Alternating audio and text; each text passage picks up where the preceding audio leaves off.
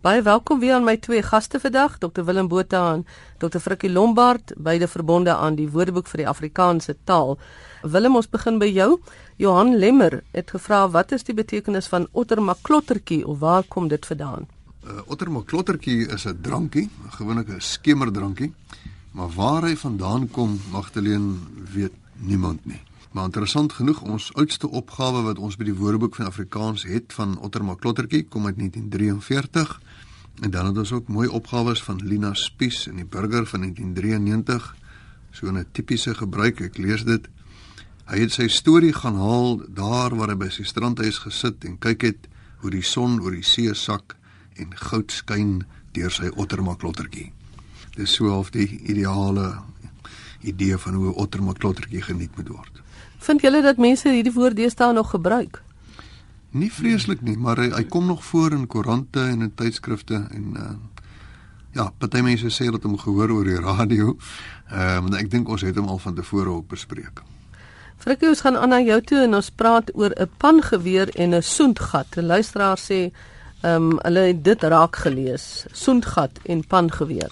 Dis natuurlik 'n historiese geweer, die die pangeweer en hy het uh, as dit ware gewerk met die kruit wat jy nog in die loop afgegooi het en dan jy 'n pleisie ingedruk en die kruit bietjie vasgestamp en dan het jy nou jou projektiel in die loop afgegooi en daarna het jy uh, van die kruit wat jy nou nog het in jou in jou kruithoring of kruitsakkie het jy dan gegooi op 'n in 'n pannetjie wat nou aan die buitekant van die geweer sit en die pannetjie se kruit uh, is verbind met 'n met 'n gaatjie die sogenaamde suntgat na die kruit wat in die loop is.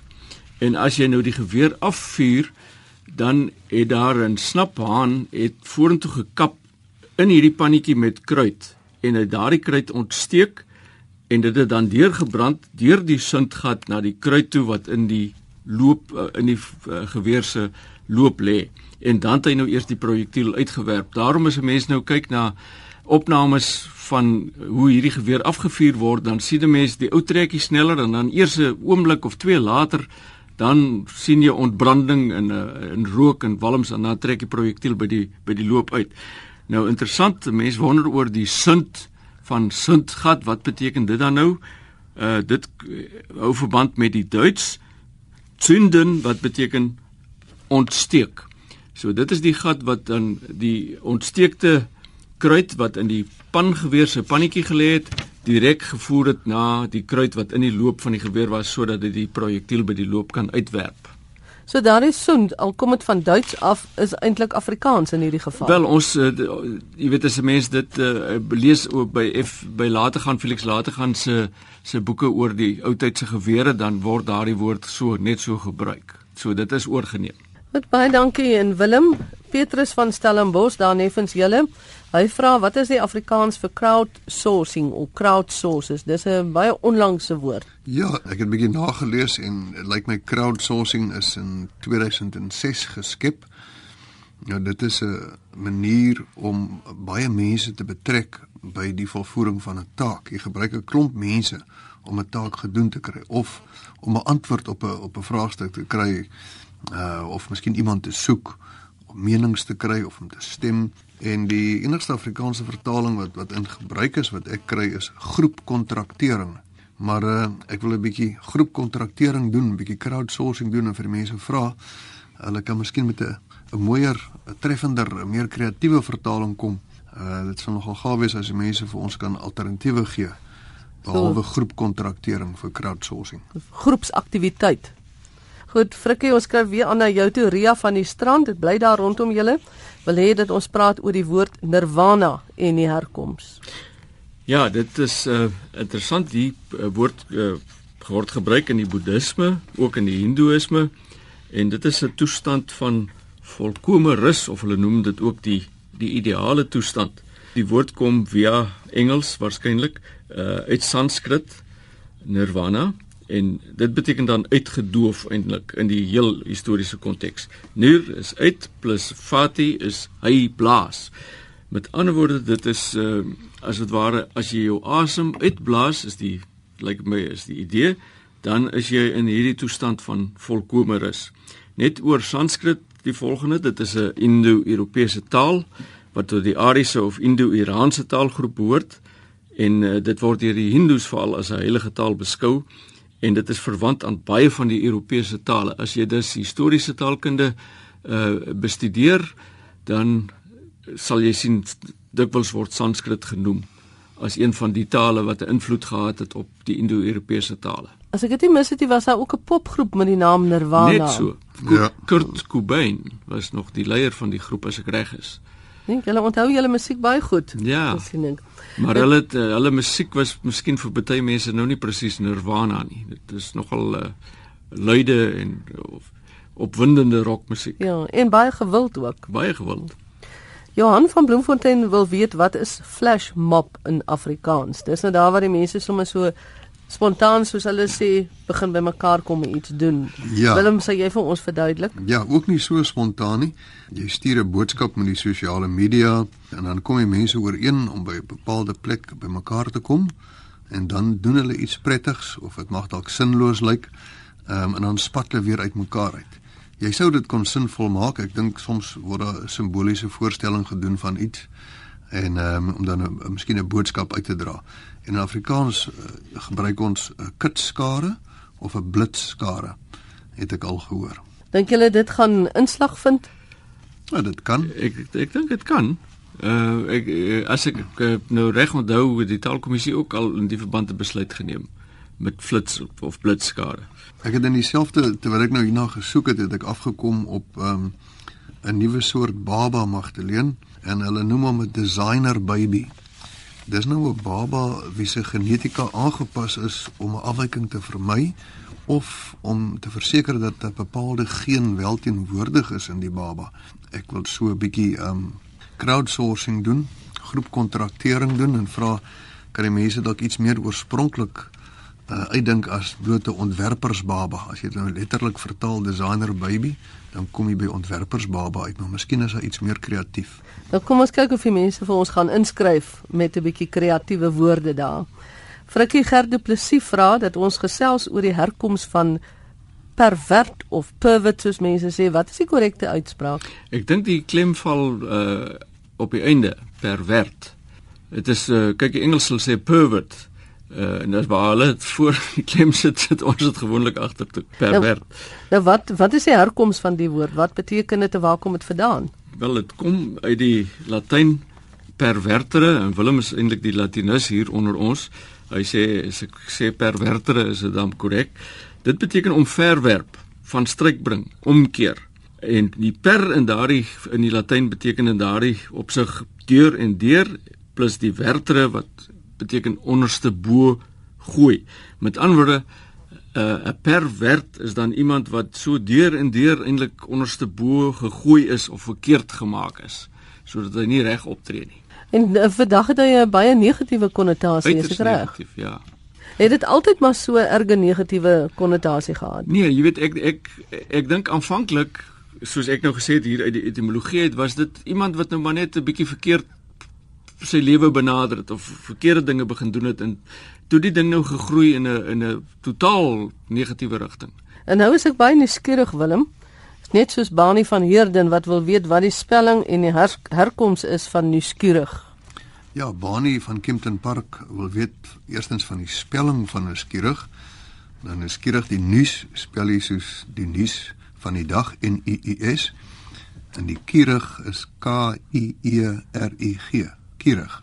Nou ja, dit beteken begeerig om alles te weet en dit kom uit Nederlands nuusgierig wat letterlik 'n samestelling is van nuus, nuus en gierig.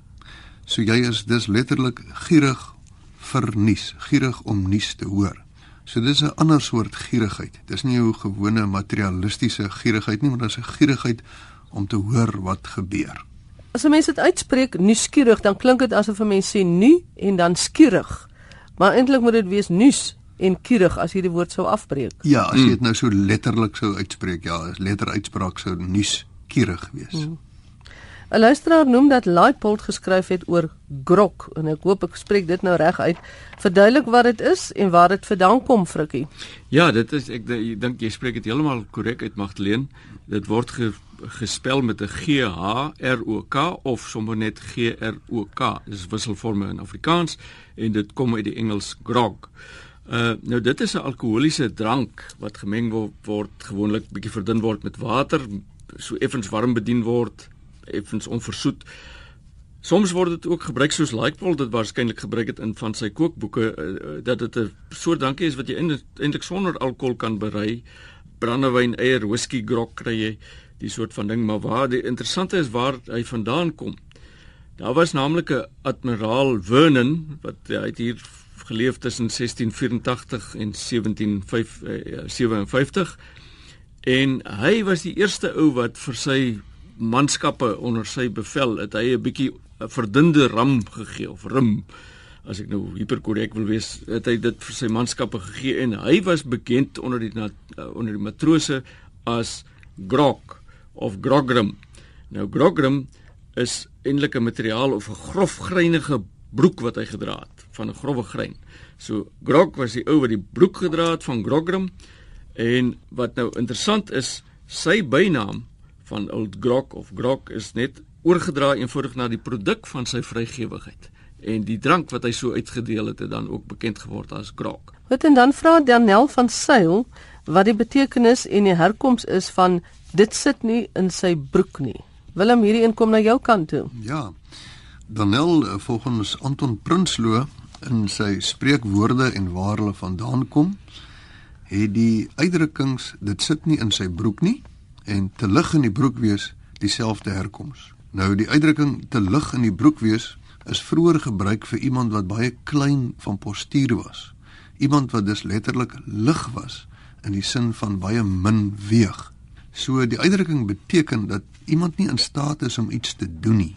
Daar is letterlik te min gewig in sy broek. Hy's geweeg en te lig bevind. Marian vra dat ons 'n bietjie praat oor couscous en die verskillende betekenisse daarvan. Ek neem aan die kos couscous sal ook te sprake kom, Frikkie. Ja, heeltemal reg so, uh, Magdalene. Sy het nou in die algemeen gevra, nou neem ek maar alles van koes uh, wat ons as iteratief gebruik ook gaan ek ook verklaar uh, dit is hierdie sogenaamde her, uh, herhaling samestelling jy kan naamlik as die werkwoord kan jy sê hy koes koes so uh, deur die bome jy weet loop hy om nie waargeneem te word nie en dit beteken dan maar net voortdurend of herhaaldelik koes of in 'n koestende houding voortbeweeg daardie betekenis word ook gebruik uh, bywoordelik waar jy kan sê hy beweeg so koes koes of hy loop koes koes al koestende met ander woorde En dan het jy gepraat van die die gereg. Nou dis natuurlik iets heeltemal anders en in ons sê in die taalkunde dit word maar net toevallig dieselfde gespel, maar dit word bietjie anders uitgespreek. Dis dis 'n homoniem of homograaf is 'n heel ander betekenis. Dit het niks te doen met hierdie ding nie. En homoniem beteken juis homo dieselfde plus nim is naam. Die goed het net dieselfde naam die woorde, maar hulle het eintlik niks mekaar te doen nie. Nou die die gereg soos jy gesê het is veral gewild in Marokko en Algiers en dit bestaan uit 'n uh, eh, grof gemaalde of gestampte graansoort, veral koring en sorghum wat dan in 'n soort vergietes oor 'n kastrol waarin skaap of hoendervleis en groente gekook word, gaar gestoom word. En dit is dan nou 'n lekkerny in daardie lande. Nou die derde homonimiese betekenis van couscous is enigiemand van 'n groot verskeidenheid van boombewonende of saaklik plant en vrugte etende buideldiere wat behoort tot die familie Phalangeridae. Nou 'n buideldier is 'n dier wat sy soos 'n kangoeroe wat sy kleintjie in 'n sak dra of die sak staan dan ook bekend as die buidel. Buidel is vir my baie mooi woord wat 'n mens nie meer deesdae gebruik nie. Ja, dit is so nê. Dit is ons taal verarm baie keer bietjie as 'n mens nie die soort van goed gebruik ja. nie soos daai ottermaklottertjie waarvan ons gepraat het ja. aan die begin. Dis 'n baie mooi idiomatiese manier van na iets verwys. Juistement. Willem Annemarie Theat van die Parel wil weet hoekom sê ons iemand is groen van jaloesie? Is dit 'n letterlike kleur? Ja, ek in die WAT gaan kyk Magdalene en ek sien die, die uitdrukking kan ook meer volledig voorkom en dan lê hy groen en geel word van jaloesie en dit is nou baie jaloers word. Nou as 'n mens so 'n groen kleur kry of geel dan as jy gewoonlik siekerig. En dit is wat hier bedoel word. Jy het 'n uitermate sterk aanval van jaloesie ondervind, sodanig dat jy skoon siek is van jaloesie. Jou jaloesie maak jou siek en jy vertoon groen of geel. En dis maar alwer dan beteken jy is skoon siek van jaloesie. En Frikkie Ludwig Visser van Vereinstop vra oor die herkoms van vroedvrou en ek wonder of 'n mens nog baie vroedvroue deesdae kry. Ja, jy weet dit is tog interessant in die uh, in die, in die ou dae was die vroedvrou een van die belangrike mense wat veral na plase toe of uh, afgeleë gebiede toe gekom het om nou die uh, vrou met die bevalling van 'n kindjie te help. Nou interessant, Nederlands uh, het vroedvrou of vroede vrou en dit was 'n vertaalde ontleding uh van die Frans sage femme. Nou ons kry sage nog uh, beteken terug in Engels wat ons sê sage advice, nê, nee, met ander wyse raad wat gegee word. En die sage femme was dan die wyse of die ervare of kundige vrou. En as ons nou gaan kyk in Nederlands vroed beteken presies ook dit, wys, ervare, kundig. Met ander woorde die vrou wat jou kom help het met die bevalling was eintlik 'n ware uh, wyse kundige of ervare vrou oorspronklik. Ons sluit nou af met uh, Willem, jy wat moet antwoord. Watse en Petri Eefting skryf dat die woord vermaard in die betekenis van beroemd in beide Afrikaans en Nederlands voorkom. En hulle wil graag weet waar die woord vandaan kom. Watse en Petri Eefting, moet ek sê, 'n baie mooi web uh, e-posadres. Dis eendenkooi by telkomsa.net. Eenden, die kooi van die eende. Ehm um, ons kry uh vermaard wat beteken beroemd of befaamd kry ons uit Nederlands vermaard en daar is dit die verlede deelwoord van die werkwoord vermaren. En vermaren is 'n afleiding van maren plus vir wat beteken bekend maak of verkondig. En daardie werkwoord maren kom weer van die selfstandige naamwoord mare wat beteken 'n berig, 'n tyding of 'n gerug. Met ander woorde, daar's iets bekend gemaak, daar's iets verkondig oor iemand en uh, nou is hy bekend omdat daar dinge oor hom verkondig word. Hy daar's berigte, daar's tydings, daar's gerugte oor hom. En die vermaard spel ons dan V E R M A A R D. Ja, baie interessant dat jy dit noem want die eerste optekening in Afrikaans is in die Patriot Woordeboek van 1902 en daar het ons vermaard met 'n F gespel. Hierdie naam Watse en Petri Eefting. Nou Petri is 'n bekende naam, maar die Watse, wonder ek of dit 'n bynaam is of 'n regte naam. Dit lyk vir my dis 'n regte naam en dis dis nogal raar, maar um, ek, ek ek ek uh, kan aan hulle terugskryf en sê 'n bietjie vir ons vertel. Ja, want ek het dit by myself gevra, Watse vir 'n naam is dit? Wat 'n naam? Ja, nee. maar daarmee kom ons dan aan die einde van vandag se taalnavraag. Dankie vir almal wat die vrae ingestuur het. Hou aan om in te stuur en dankie Dr Willem Botha en Dr Frikkie Lombard van die Woordeboek van die Afrikaanse taal. Magdalene Kreur wat groet tot 'n volgende keer.